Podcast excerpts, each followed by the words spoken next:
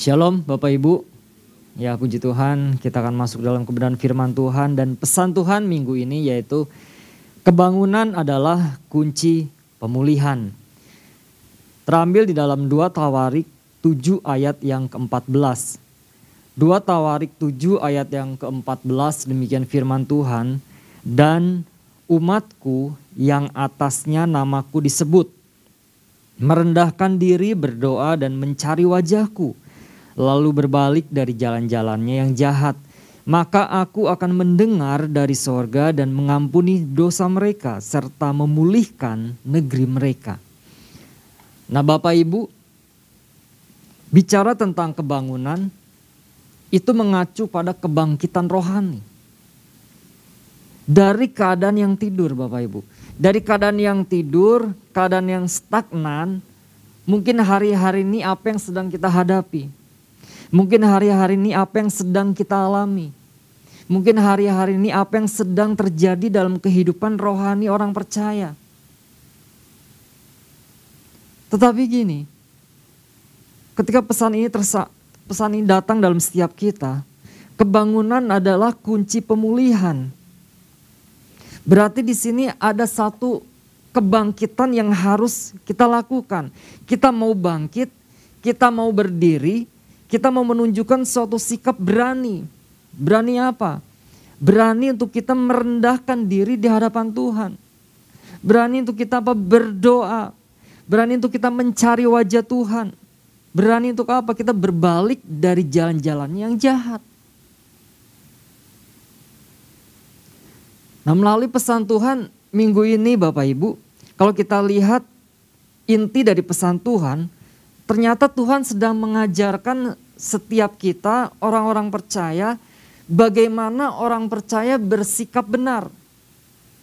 Ketika mungkin situasi yang tidak mudah yang Tuhan izinkan terjadi. Nah kalau kita lihat kembali di dalam ayat ke-14 ini, di sini ada janji Tuhan yang Tuhan nyatakan pada setiap umatnya. Dan umatku yang atasnya namaku disebut. Merendahkan diri, berdoa, dan mencari wajahku. Lalu berbalik dari jalan-jalannya yang jahat, maka aku akan mendengar dari sorga saya akan garis bawahi mendengar. Nah kata mendengar di sini dalam bahasa aslinya yaitu syama. Artinya memperhatikan dengan kesungguhan. Di sana dikatakan dan mengampuni dosa mereka. Kalau kita lihat lagi kata mengampuni dalam bahasa aslinya yaitu saulak. Artinya apa? Menerima pengampunan. Beroleh pengampunan. Dan lanjut dikatakan serta memulihkan negeri mereka. Nah, kata memulihkan di sini dalam bahasa aslinya rafau. Artinya apa? Menyembuhkan, memperbaiki. Nah, artinya pemulihan itu pasti terjadi atau enggak Bapak Ibu? Pasti. Pemulihan itu pasti terjadi ketika apa? Ketika umatnya merendahkan diri. Ketika umatnya berdoa. Ketika umatnya mencari wajah Tuhan. Ketika umatnya berbalik dari jalan-jalannya yang jahat. Ternyata Bapak Ibu di sini ada satu respon. Di sini ada suatu sikap di sini ada suatu keberanian untuk kita bangkit bahwa gini, saya mau merendahkan diri di hadapan Tuhan. Saya mau berdoa di hadapan Tuhan. Saya mau mencari wajah Tuhan. Saya mau berbalik dari jalan-jalan yang jahat. Nah, yang ditekankan dan yang digaris bawahi Bapak Ibu, Ternyata nggak cukup sekedar kita merendahkan diri saja. Sekedar kita berdoa. Sekedar kita mencari wajah Tuhan. Sekedar kita berbalik dari jalan-jalan yang jahat. Dan Pak Isa sudah sampaikan jelas di poin yang pertama awal. Ternyata di sini diperlukan apa? Suatu kualitas. Pribadi orang benar yang mau sungguh-sungguh datang kepadanya. Nah Tuhan rindu akan sebuah kualitas pribadi setiap kita orang benar yang mau sungguh-sungguh datang kepadanya. Sungguh-sungguh merendahkan diri, sungguh-sungguh berdoa, sungguh-sungguh mencari Tuhan dan sungguh apa? Berbalik dari jalan-jalan yang jahat. Kita kembali ke ayat utama Bapak Ibu. Dan umatku yang atasnya namaku disebut. Dan umatku yang atasnya namaku disebut. Kok kita lihat di dalam bahasa Indonesia sehari-hari Bapak Ibu. Dan umatku yang atasnya namaku disebut. Lalu di sana dikatakan Lalu umatku yang memakai namaku disebut. Bahasa Indonesia sehari-hari memakai. Memakai namaku disebut. Nah kalau namaku dalam bahasa aslinya yaitu Syami. Yang artinya apa? Reputasi. Ketenaran. Artinya kemuliaan. Artinya apa? Kemasyuran. Ini adalah nama sebagai sebutan dari Tuhan itu sendiri, dari Allah sendiri. Dia Allah yang mulia, Dia Allah yang masyur, Dia Allah yang besar. Nah kalau kita lihat di dalam bilangan Bapak Ibu. Bilangan 6 ayat yang ke-27. Demikian firman Tuhan. Demikianlah harus mereka meletakkan namaku. Meletakkan namaku atas orang Israel, maka aku akan memberkati mereka. Nah, saya mau yang saya mau bagikan dalam ayat ini adalah jadikan Tuhan sebagai prioritas yang utama. Ayat utamanya di dalam 2 Tawarik 7 ayat 14. Dan umatku yang atasnya namaku. Jadikan Tuhan sebagai prioritas yang utama. Nah ini yang kita renungkan saya pelajarin. Kita renungkan hari-hari ini Bapak Ibu. Kita mungkin mengalami, kita merindukan satu pemulihan dalam setiap hidup kita masing-masing. Apa yang kita rindukan hari-hari ini Bapak Ibu? Apakah itu dalam sektor keluarga? Apakah itu sektor dalam komunitas? Apakah itu dalam pekerjaan? Apakah itu dalam hubungan? Atau kita rindu terjadi pemulihan atas negeri ini? Kita rindu terjadi pemulihan atas kota yang kita tinggali ini. Nah kita sama-sama belajar Bapak Ibu. Saya belajar. Pertanyaan gini, sudahkah kita menempatkan Tuhan sebagai prioritas utama dalam hidup kita atau belum? Tanpa kita sadari kadang-kadang gini, oh iya pak, oh iya bu, saya sudah menempatkan prioritas utama dalam hidup saya. Seringkali tanpa kita sadari, prioritas yang utama tergeser. Atau gini kita berkata, prioritas utama saya masa depan saya dong. Prioritas utama saya pekerjaan saya. Prioritas utama saya adalah keluarga saya. Tuhan nanti deh. Kalau saya butuh Tuhan, kalau saya perlu Tuhan, baru saya datang kepada Tuhan. Saya baru merendahkan diri. Saya baru berdoa kepada Tuhan. Kalau saya berdosa, saya baru datang kepada Tuhan, saya baru minta ampun. Nah, bicara tentang prioritas itu apa sih? Prioritas adalah mendahulukan sesuatu yang kita anggap lebih penting dibandingkan dengan hal-hal yang lain. Nah kalau kita lihat di dalam dasar utama dalam menentukan prioritas hidup adalah siapa? Tuhan itu sendiri. Dikatakan di dalam Matius 22, Matius 22 ayat 37 sampai 38. Matius 22 ayat 37 sampai 38 di sana dikatakan apa? Jawab Yesus kepadanya, "Kasihilah Tuhan Allahmu dengan segenap hatimu dan segenap jiwamu dan dengan segenap akal budimu." Itulah hukum yang terutama dan yang pertama. Artinya Tuhan adalah sumber segala pemulihan. Tuhan adalah sumber segala keberhasilan dalam kehidupan kita.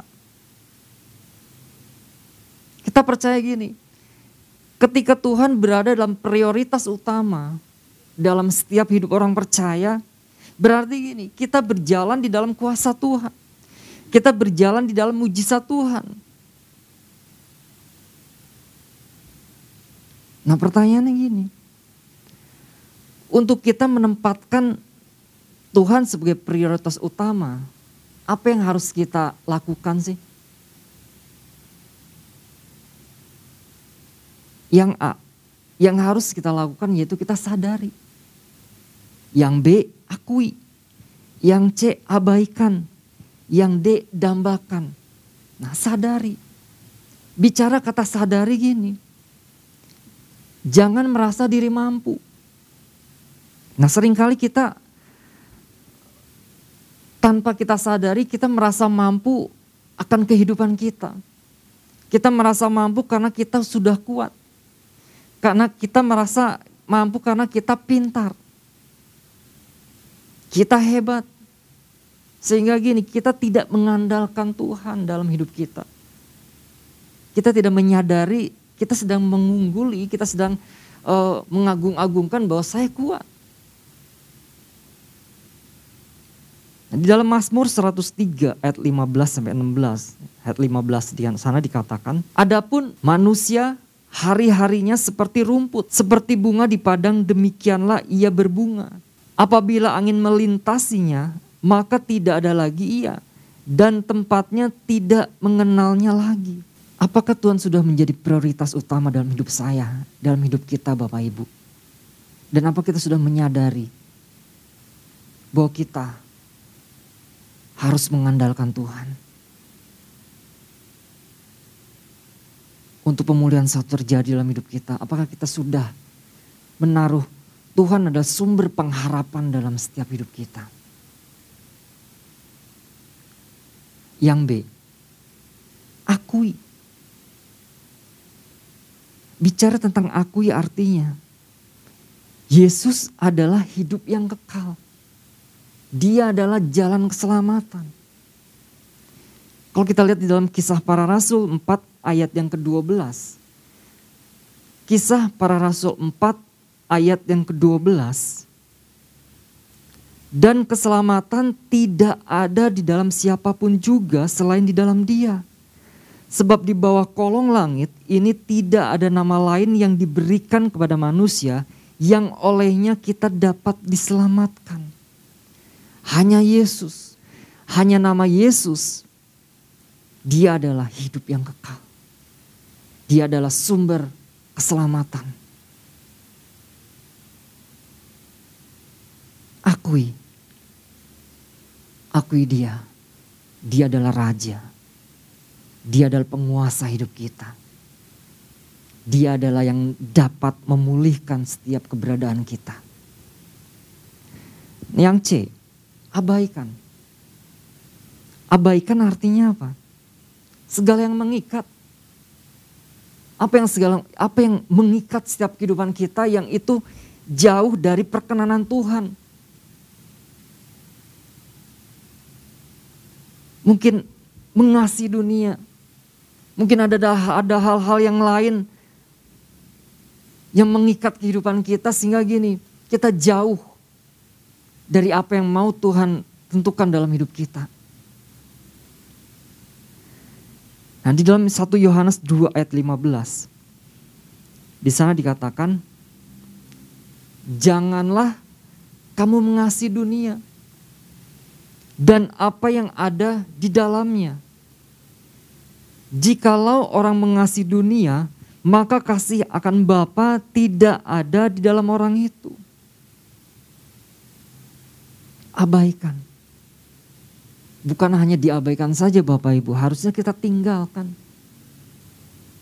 Kita kembali kepada hal-hal yang benar. Kita kembali kepada hal-hal apa yang sudah Tuhan tentukan dalam hidup kita. Mungkin kita sudah mengabaikan, mungkin kita lebih mengutamakan apa yang dianggap kita penting dalam hidup kita. Mungkin pekerjaan, mungkin pelayanan, mungkin keluarga kita. Ternyata ada yang lebih penting lagi di atas itu. Yaitu apa? Hubungan kita dengan Tuhan. keintiman kita dengan Tuhan Bapak Ibu. Yang D, untuk kita bisa menempatkan Tuhan sebagai prioritas yang utama, yang D yaitu dambakan. Artinya ada satu kerinduan dalam setiap hati kita Bapak Ibu. Ada satu kerinduan bahwa saya ingin selalu hidup dalam kebenaran.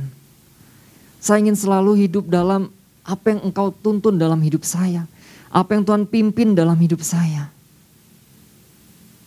Dambakan itu Bapak Ibu. Dambakan setiap pesan apa yang Tuhan mau sampaikan lagi nih. Pesan apa yang mau Tuhan sampaikan dalam hidup saya. Saya rindu itu. Dalam Mazmur 119 ayat 131 di sana dikatakan apa Bapak Ibu? Mazmur 119 ayat 131 di sana dikatakan, Mulutku kungangakan dan megap-megap sebab aku mendambakan perintah-perintahmu. Perintah-perintah Tuhan. Sudahkah setiap kita termasuk saya? Sudahkah kita mendambakan akan perintah-perintah Tuhan? Oh ya Tuhan, ini yang menjadi pesanmu ini yang menjadi peringatanmu dalam hidup saya. Ini yang menjadi ketetapan-ketetapanmu dalam hidup saya. Saya rindu untuk saya berjalan. Saya rindu untuk saya tetap untuk berjalan lurus. Mengarahkan pandangan saya kepada apa yang kau mau dalam hidup saya. Dambakan. Untuk kita bisa menempatkan Tuhan sebagai prioritas utama yang tadi yang awal apa sadari, yang kedua akui, yang C abaikan, yang D dambakan. Ketika ini sudah kita lakukan bersama Bapak Ibu. Kita percaya, kita akan tahu bahwa Tuhanlah prioritas utama dalam hidup kita.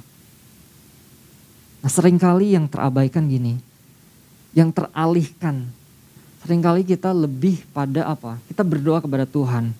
Saya pernah sampaikan di ibadah e, minggu. Pernah sampaikan bahwa ketika kita datang kepada Tuhan, kita doa kepada Tuhan dengan setumpuk berbagai permasalahan yang kita ajukan kepada Tuhan. Sedangkan yang harus kita lakukan apa? Kita datang kepada Tuhan dengan satu kerinduan. Tuhan, apa yang harus aku lakukan? Jalan-jalan apa yang harus aku tempuh? Nah mari Bapak Ibu pagi hari ini. Kita percaya Tuhan rindu umatnya mengalami pemulihan. Amin. Tuhan rindu umatnya mengalami pemulihan. Bukan hanya kita saja, kita rindu. Mungkin kita rindu, Tuhan saya rindu pemulihan dalam keluarga, dalam pelayanan, mungkin dalam pekerjaan, dalam berbagai hal. Ternyata bukan kita saja yang rindu, ternyata Tuhan juga rindu umatnya mengalami satu pemulihan. Dan Tuhan rindu setiap kita mengalami kebangunan rohani terlebih dahulu Bapak Ibu. Kita alami satu kebangunan rohani terlebih dahulu dalam setiap kita. Nah mari Bapak Ibu, setiap kita termasuk saya, kita sama-sama belajar untuk kita terus apa yang menjadi pesan Tuhan dalam setiap kita. Kita terus belajar untuk kita apa? Menempatkan Tuhan menjadi prioritas yang utama. Kita menyadari, kita akui, kita abaikan, kita dambakan Tuhan. Dan kita percaya bahwa kebangunan adalah kunci pemulihan dalam setiap kita. Tuhan Yesus memberkati.